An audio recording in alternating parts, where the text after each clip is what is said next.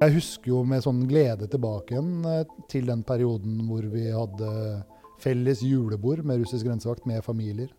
Eh, familiedager eh, i Nikolai Zapoljarny, og de var også over hit. Eh, vi utveksla mailadresser og sendte mail privat i en periode. Eh, vi hadde Grensevakta hadde jo fotballkamp med russisk grensevakt, årlig landskamp, eh, som var en happening. Altså, og dette var jo veldig fram til eh, Georgia i 2008. Hvor viktig er Forsvaret i nord for Norges sikkerhet? Hvordan er det egentlig å jobbe i Øst-Finnmark helt på grensa til Russland? Og hvordan har hverdagen for Forsvaret på grensa endra seg etter Russlands invasjon av Ukraina i februar i år? Denne gangen har Utenrikshospitalet tatt turen ut av studio og besøkt garnisonen i Sør-Varanger. Mitt navn er Ane Teksum Isbrekken, og i denne episoden her så skal du få møte sjefen for GSV, en av soldatene hans, og NUPI-forsker Ole Martin Stormoen. Jeg heter Mikael Spanne Rosmara, eh, oberstløytnant og er sjef for Jegerbataljonen GSV. Det er grensevakta, den avdelingen som til daglig bevokter den norsk-russiske landegrensen. Min jobb er jo da å lede den avdelingen som eh, skal eh, passe på grenselinja i fred, som er et politioppdrag. Eh, og overvåke nordområdene og bidra til det situasjonsbildet om å forstå den nordøstre delen av landet og landegrenseområdet. Og så er det å trene og forberede styrker for krise og krig. Lar du blikket sveip over Pasvikelva i Sør-Varanger øst i Finnmark, så ser du rett på russisk territorium. Bare noen titalls meter ut i vannet så ligger grensa som skiller Norge fra Russland. Toppen av flaggstanga utafor Pasvik grensestasjon veier garnisonen i Sør-Varanger sitt symbol. En gul ulv på svart bakgrunn. Den har tennene blotta og ørene trukket bakover.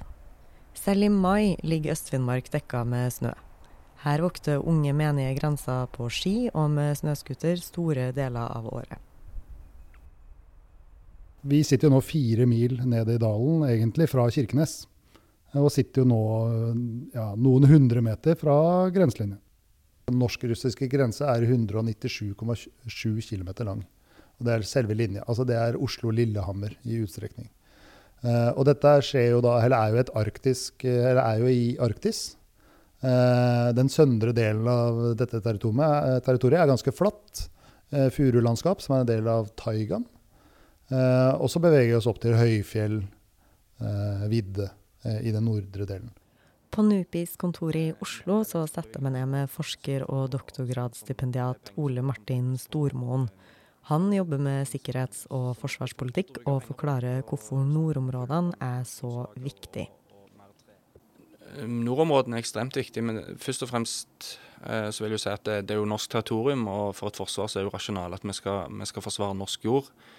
Vi har vårt militære tyngdepunkt oppe i nord, eh, av den grunn at området er strategisk viktig òg. Dvs. Si at den, de som da kontrollerer nordområdene, eller Nordkalotten, har kontroll på havområdene i, eh, utenfor norskekysten og i Barentshavet. og har du kontroll der, så har du òg eh, mulighet til å få, få inn forsyninger og forsterkninger fra, fra Nato da, over Atlanteren. Og samtidig så vil du òg kunne hindre den russiske nordflåten i å operere fritt i de områdene. På den andre sida vil jo òg området bli veldig viktig for Russland. For det klarer de å ta kontroll over nordområdene, så har de kontroll over de samme havområdene og kan hindre de forsterkningene som vi da venter på fra Nato i en, i en eventuell konflikt. Eh, samtidig så vil jo òg de da kunne få ut sine strategiske atomubåter, som, som, utgjør det som de kaller for andre slags evne til Russland. Det vil si i en eh, eventuell eh, atomkrig, gud forby, så er andreslagsevnen deres livsforsikring. Det vil si at hvis det vil bli en utveksling av atomvåpen, så har de da muligheten til å skyte tilbake, uavhengig av om vi, vi som i Vesten har, har truffet eh, atomutskytningsbasene eller, eller, eller rakettsiloene rakettsiloene på land. Da. Eh, da har de fått ut sine ubåter og kan, vil kunne sende, sende um, atomvåpen tilbake mot oss. Tilbake i Pasvik spør jeg Mikael Spanne Rosmara om hvordan Russlands invasjon av Ukraina har endra måten de jobber på. Det første svaret er at nei, de har ikke endret oss. Men så er det også et feil svar. Eh, fordi at eh, hva vi gjør, og, mi, og, min oppgave og min avdelingsoppgave, har jo blitt vesentlig mer aktualisert eh, de siste to månedene enn hva det har vært eh, tidligere. Så sånn sett så har vi nå blitt eh, veldig tydelig for oss selv, og, men jeg også, tror jeg også er en nasjonal ramme, eh, hva vi faktisk er satt her for. utover den, den daglige oppdragsløsningen vi har som å Eh, å beskytte en Schengen yttergrense. Jeg løser oppdrag eh, på vegne av eh, flere sjefer. altså, uten tvil jeg er en militæravdeling og løser oppdrag på vegne av sjef Hæren.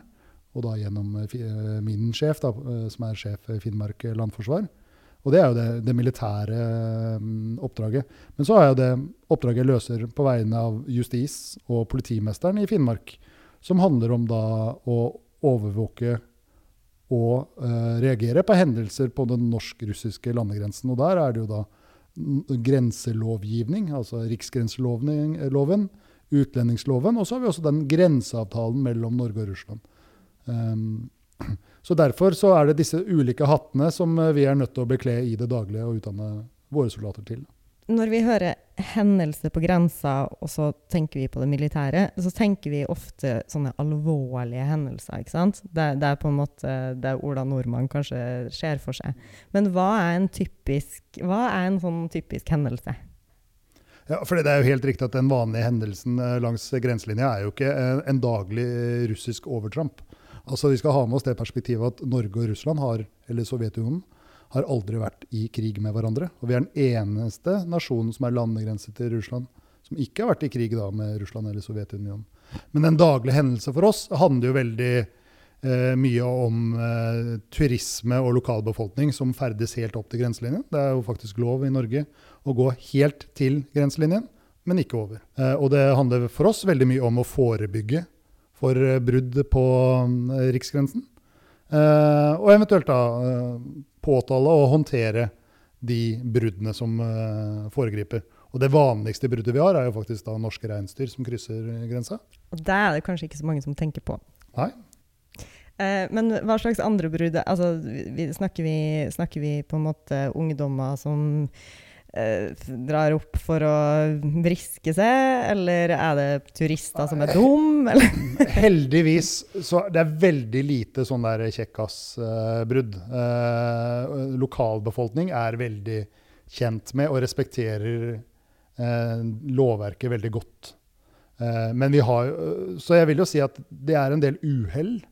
Altså eh, snøscooter som kjører feil. Det er ikke alle steder det er godt nok eller det er vanskelig å merke godt nok at man da uforvarende kjører og krysser grenselinja. Det er hunder som krysser grenselinja, det er et brudd.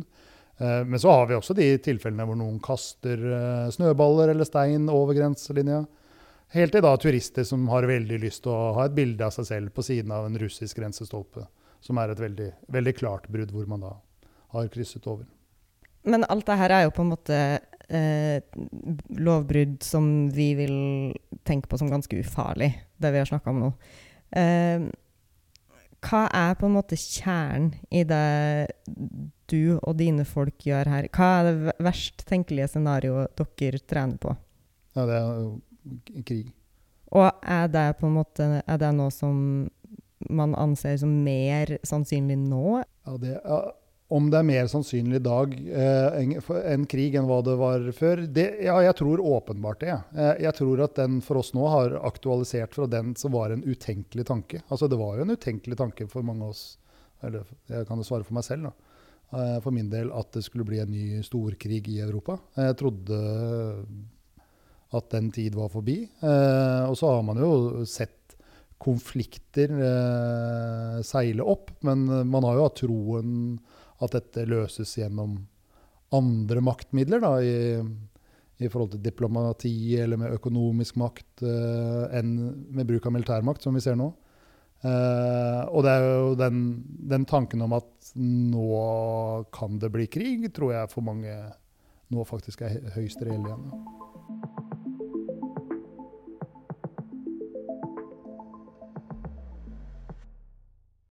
NUPI-forsker Ole Martin mener det er to hovedgrunner til at en invasjon av Finnmark ikke er sannsynlig nå.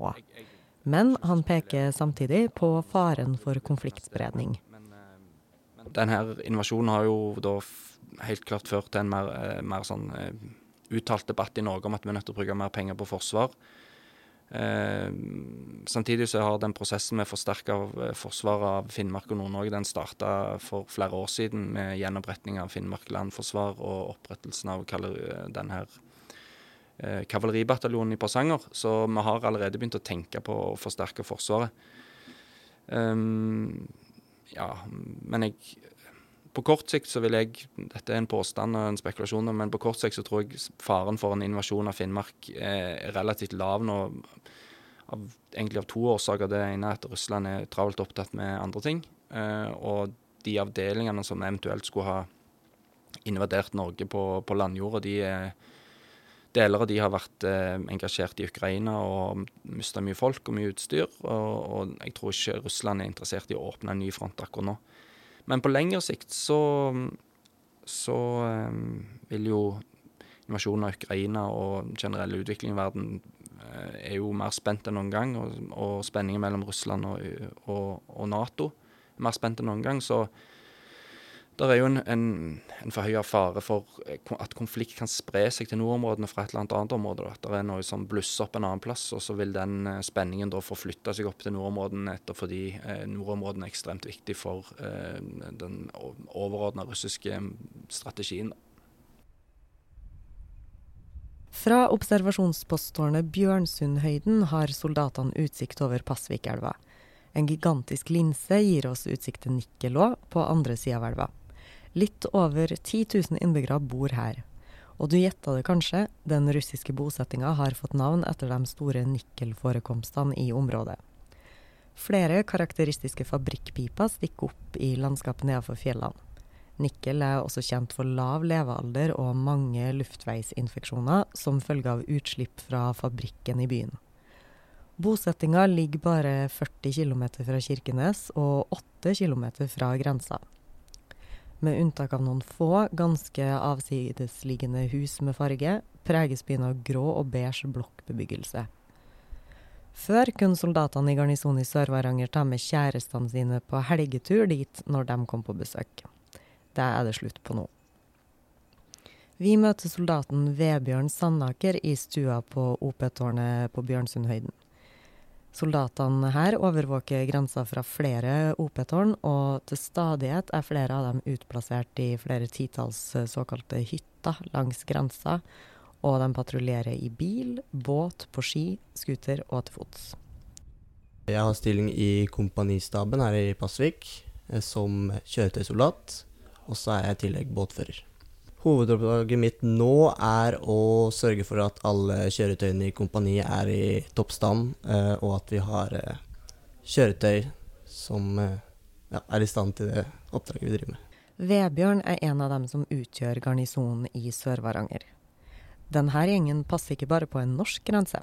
Den 198 km lange strekninga er jo også Schengen-områdets yttergrense. Det betyr også at Vebjørn og de andre som jobber på grensa i garnisonen i Sør-Varanger, faktisk har politimyndighet. Vi er jo rundt 100 personer i kompaniet. Eh, det jeg gjør på en vanlig dag. Eh, det er ofte at uh, patruljene som er ute langs grensa, har noe problem med sine kjøretøy. Trenger støtte til kjøring. også når båtsesongen begynner nå, så skal jeg jo bo ute med de og kjøre båt. Når vi kjører båt, så er hovedsakelig å passe på norske befolkningen.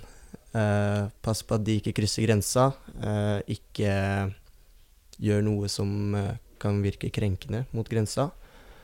Eh, og så er jo båt et middel vi bruker for å flytte oss raskt. Jeg spør Vebjørn om hva han tenker om Russlands invasjon av Ukraina, og hvordan krigen påvirker hvordan de jobber. Det blir jo selvfølgelig mer seriøst. Eh, samtidig så er tanken på at det samme skal skje her, veldig fjern. Um, så jeg vil ikke si at det har noe stor påvirkning. I starten så var det kanskje Tenkte litt mer på det, men det gjorde vel folk flest. Um, men nå så tenker vi ikke noe særlig på det, mer enn når vi ser i nyhetene, sånn som alle andre. Det er med ung mennene som er på vakt i OP-tårnet der jeg treffer Vebjørn den dagen her, rundt 20 år. Jeg spør Mikael om hvordan det er å ha ansvaret for en stor gjeng med ungdommer og vite at hvis det blir krig, så er det dem her som er i førstelinja. Ja, hvordan det er. Altså, for det første så syns jeg jo selv at jeg har en veldig interessant og bra jobb. Jeg trives veldig godt i jobben min. Eh, men det alvoret som ligger i det Og jeg føler veldig på ansvaret. Eh, og, og, så sover jeg godt om natta for det. Eh, men å vite det at min jobb er å lede eh, mine soldater i, i, en krig, og at jeg er lokalisert så nærme det vi ser som den eh, sannsynlige fienden, eh, det føler jeg ansvaret for. Altså, og det føler jeg på. Er det andre spesielle ting som har skjedd i området som på en måte ikke egentlig handler om fysisk grense, men som likevel eh, kan representere en trussel fra russerne? Jeg synes jo Det er jo vesentlig å snakke om sammensatte trusler, eller hybride trusler, som også er et annet ord for det. Som, uh, det har blitt snakket om mye før Ukraina-krigen. Altså, det er jo på en måte trolling på nett og i den sammenhengen. Og det som har vært kjent åpent, er jo at uh, man har sett en økt uh, grad av jamming. Da, altså at man sender ut signaler og, og blokkerer GPS-signaler i nord. Altså, altså russerne sender ut signaler som blokkerer GPS-signaler på norsk side? Det, det, skjer fra tid til, tid til annen i nord. At uh, russisk side sender ut da, og blokkerer norske GPS-signaler. Og dette påvirker jo da norsk lufttrafikk eh, osv. Det betyr rett og slett at fly, f.eks. ambulansefly, har mista GPS-signalene sine i kortere eller lengre perioder. Men også en rekke andre ting blir utsatt som følge av jamming. Nei, det er også altså alt som går på GPS. da. Eh, så det er jo som politimesteren eh, i Finnmark eh, sier. altså Det er jo voldsalarmer, det er jo nødalarmer, det er andre ting som kan bli blokkert ut i en eller annet uh, format da, som, av dette med GPS-jamming. Og det er jo et sånn usynlig, uh, usynlig grensekrenkende virkemiddel. Så man kan jo på en måte ta, dra opp ulike scenarioer hvorfor russisk side gjør det. Altså Er det en bevisst handling? Er det en overskytende en måte effekt av egen intern trening, hvor det også skjer? Uh, det kan man jo bare spekulere i. Det er i hvert fall ikke min jobb å spekulere i i motivet rundt det. Men at det skjer i nord, det gjør det. Både Finland og Sverige har levert Nato-søknadene sine. Hvis landene blir medlem, så vil det få konsekvenser for det norske forsvaret også. NUPI-forsker Ole Martin Stormoen utdyper. Så planen, i hvert fall Den offisielle planen for forsvaret av, av Nord-Norge er jo basert på at vi ikke kan ha, kunne regne med å bruke finsk og svensk territorium om vi ikke kunne regne med at vi skulle få, få, hjelp eller støtte fra Sverige og Finland i en eventuell konflikt. Da. Hvis de eh, blir med i Nato, som, som de nå ønsker, så, så, vil jo den situasjonen forandre seg. og Det vil òg bety at eh, de òg er nødt til å ja, integrere sine forsvarsplaner med, med, Nato sine planer. Og det vil jo òg in, inkludere planene for, for, for uh, forsvaret av Nord-Norge. da. Så jeg vil tro at det i større grad vil bli eh, fokus på en slags sånn, eh, samordning eh, i nord, eh, som òg inkluderer eh, Sverige og Finland. Eh, og så vil det òg bety at forsvaret av Nord-Norge eller Nordkalotten vil jo bli enklere fra et militært perspektiv, for du har større områder å, spille på. og Du vil òg ha det den effekten av samarbeidet mellom de tre landene. Sverige og Finland har altså Til sammen vil de bringe inn en rundt 20 brigader, eh, som er en relativt stor militæravdeling, og, og 200 kampfly, i tillegg til mye annet tungt materiell og artilleri og sånn, som, som, går langt utover det vi har i Norge. Da. Så, ja, Kan du si litt om det? Hvor mye mer eh, er det enn det vi har kunnet stilt med alene før? Ja, Når det kommer til, til landstyrken i Norge, eller kall det hæren, så, så, har vi, vi har Brigade Nord. Um, og så har vi da det som er under oppbygging i Finnmark. Så i, i en krigssituasjon så vil vi òg ha en, en, del heimevern og sånn å, å, spille på, da. Men, men sammenlignet med Sverige og Finland så er vår hær relativt liten. Uh, og spesielt Finland har veldig mye artilleri. Eh, og en enormt stor eh, hær som er vernepliktsbasert ennå. Så på, på landsida så, så, vil Sverige og Finland sine styrker få Norge til å se relativt lite ut. Eh, så kombinert så vil jo luftvåpenet i de tre landene være ganske formidabelt, sjøl i et globalt perspektiv. Men betyr, betyr det her at et finsk og svensk Nato-medlemskap vil gjøre Norge udelt tryggere? Det er et vanskelig spørsmål, men jeg skal prøve å forklare. Um, ja, i, i, i militær, um, fra et militært perspektiv så gjør det det. For det vil, bli lettere å forsvare de tre landene når du kan koordinere det forsvaret, uh, og når um, alle tre er Nato-medlemmer. Samtidig så kan du si at kanskje spenninga eller faren for en konflikt da eventuelt kan øke fordi du da vil ha en, en veld, veldig mye større grense mellom Nato og, og, Russland, som gjør at vi kan bli inn, innblanda i en konflikt.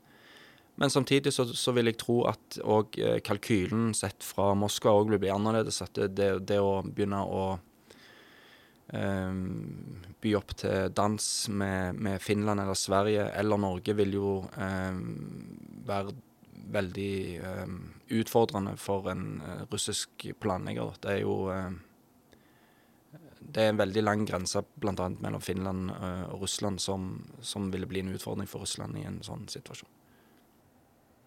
Men så vidt jeg har fått med meg, så har jo Russland advart kanskje særlig Finland ganske kraftig mot å bli medlem i Nato. Hva er på en måte Hvor mye skits ligger det bak de advarslene? Hva, hva, er realismen i det? Hva kan egentlig Russland gjøre overfor Finland og Sverige eh, hvis de blir medlem? Sånn som situasjonen er nå, så kan de gjøre veldig lite. Um, jeg tror mye av frustrasjonen fra russisk side, når det, spesielt gjelder Finland, er at Finland på sett og vis har vært eh, ja, altså, sikkerhets- og utenrikspolitisk holdt litt nede av Sovjetunionen tidligere og, og Russland eh, til en viss grad. Eh, og de har måttet forholde seg i en slags mellomposisjon der, der Russland har, og tidligere Sovjet har vært nesten med å, å diktere finsk sikkerhetspolitikk det at Finland nå går inn i Nato, eh, gjør at de i mye, mye større grad kan eh, ta, mindre grad ta hensyn til hva Russland mener om hva de foretar seg eh, på den internasjonale arenaen. Jeg tror jeg tror nok Finland så sjansen til å bli med i Nato nå fordi Russland er relativt sett ganske svake, men òg fordi Russland har vist seg å være en litt uforutsigbar og aggressiv aktør, eh, og at eh, Finland dermed ser seg tjent med å få den sikkerhetsgarantien hovedsakelig fra USA. Da. Ehm, og Det gjelder til en viss grad Sverige òg, vil jeg tro. Mikael har vært i Forsvaret i 25 år, mange av dem i nord. Han forteller om et forhold til russere på andre sida av grensestolpene som har endra seg markant på denne tida. Ja, Det er et godt spørsmål. og det er litt sånn så fort, eh, et sånt spørsmål hvordan har det endret seg eh, på grenselinja i de i 25 årene jeg har vært inne. da. Jeg kom jo til um, garnisonen første gangen i 2003, rett fra krigsskolen. Og da kom jeg jo inn i den etter kald krig-perioden, hvor vi var på vei inn i fullt full, mye større grad av åpenhet og vennskap. Uh, og jeg husker jo med sånn glede tilbake igjen uh, til den perioden hvor vi hadde felles julebord med russisk grensevakt med familier. Uh, familiedager i Nikolai Zapoljarny, og de var også over hit. vi utveksla mailadresser og sendte mail privat i en periode. vi hadde Grensevakta hadde jo fotballkamp med russisk grensevakt, årlig landskamp, som var en happening. Altså, og dette var jo veldig fram til eh, Georgia i 2008. Georgia i 2008 så invaderte jo eh, Russland Abkhasia og Sør-Ossetia. Eh, fra georgisk og vestlig perspektiv så er 25% av Georgia okkupert eh, russiskstøttet. Eh, og Russland står jo med styrker i de to regionene i dag. Eh, det var jo første gangen etter eh, murens fall at vi så Russland gå inn på den måten igjen. Eh, I et land som hadde begynt å lene seg mot uh, integrering med Vesten, som Georgia var på vei inn i. Uh, det endret jo det på en måte Norge var jo med på motstanden mot det. men det var jo ikke på samme måte som i Krim i 2014, som vesentlig endret på det jeg vil si, norsk-russiske forholdet. da. og også for grensevakta sin del. Men folk, altså Folk her bor jo veldig nærme Russland. Og de har kanskje familie som er russisk. Eh, de er kanskje gift med russere. Eh, det er en russisk skole i Kirkenes. Eh, hvordan, hvordan er på en måte stemninga i sivilsamfunnet her etter den russiske invasjonen av Ukraina? Det er vel ikke noe tvil om å si at stemningen i sivilsamfunnet i dag er at det, det er under press. Altså, det var ikke meninga å le til det, men, for det er jo egentlig veldig trist. Eh, men at det er klart at du har en, en andel av lokalbefolkningen eh, som har, eh, er russisk, eller eh, har russisk eh, tilknytning. Eh, og det er nok en, en, større uenighet og en større dynamikk på et lite sted her enn hva vi kan se andre steder i Norge. Og så er det klart at det her er også et samfunn som har slåss veldig lenge og godt og jobbet veldig for eh, samarbeid på tvers. Altså være en sånn brobygger mellom øst og vest. Da. Og folk-til-folk-samarbeidet. Så det er jo mange av de som har stått i bresjen for dette her nå i tiår, eh, som ser at hele det samarbeidet nå bare rakner. Og det forsvinner, og det legges på is, og det kanskje også knuses for, for kommende tiår. Og det er jo noe som absolutt preger eh, samfunnet. Så tror jeg ikke Kirkenes helt har sett konsekvensene ennå. Altså Man ser det økonomisk, uten tvil, på handel, eh, på lokalindustri. At det her har fått konsekvenser og kommer til å få konsekvenser. Men også fremtidig på hvordan det vil være med menneskelige relasjoner i, i, i kommunen seg imellom. Det uh, vil jo være spennende å se, da. Tusen takk for at eh, du hørte på oss i Utenrikshospitalet i dag. Hvis du likte det du hørte, så anbefaler jeg å sjekke ut flere episoder der du hører på podkast. Og ikke glem å sjekke ut de andre to podkastene våre, The World Stage og Hvor hender det? Vi høres!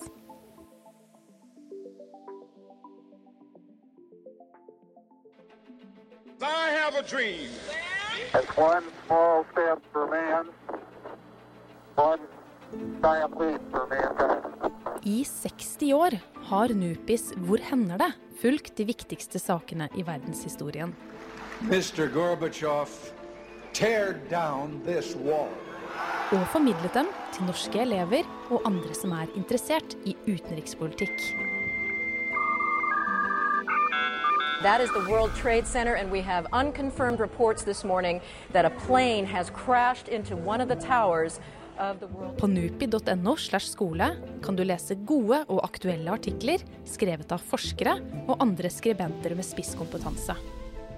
I podkasten får du høre dem fortelle med egne ord. Mange ganger så ser vi at land bare kjører på uten å ta hensyn til det Sikkerhetsrådet bestemmer. Og I verste fall kan jo det sørge for at det blir gjennomført krigshandlinger. Mitt navn er Therese Leine, og i denne podkasten fra NUPI velger jeg ut de sakene som fortjener ekstra oppmerksomhet. De sakene som kommer til å bli huska seinere i historien. The British people have spoken, and the answer is we're out. America first. America first. We are in the beginning of a mass extinction, and all you can talk about is money and fairy tales of eternal economic growth. How dare you! Hvis du setter av noen få minutter av tida di, får du bli med inn i dybden av det mest spennende som skjer i verden akkurat nå. Gå inn på Acast, Spotify eller Apple sin podkast-app og søk på Hvor hender det?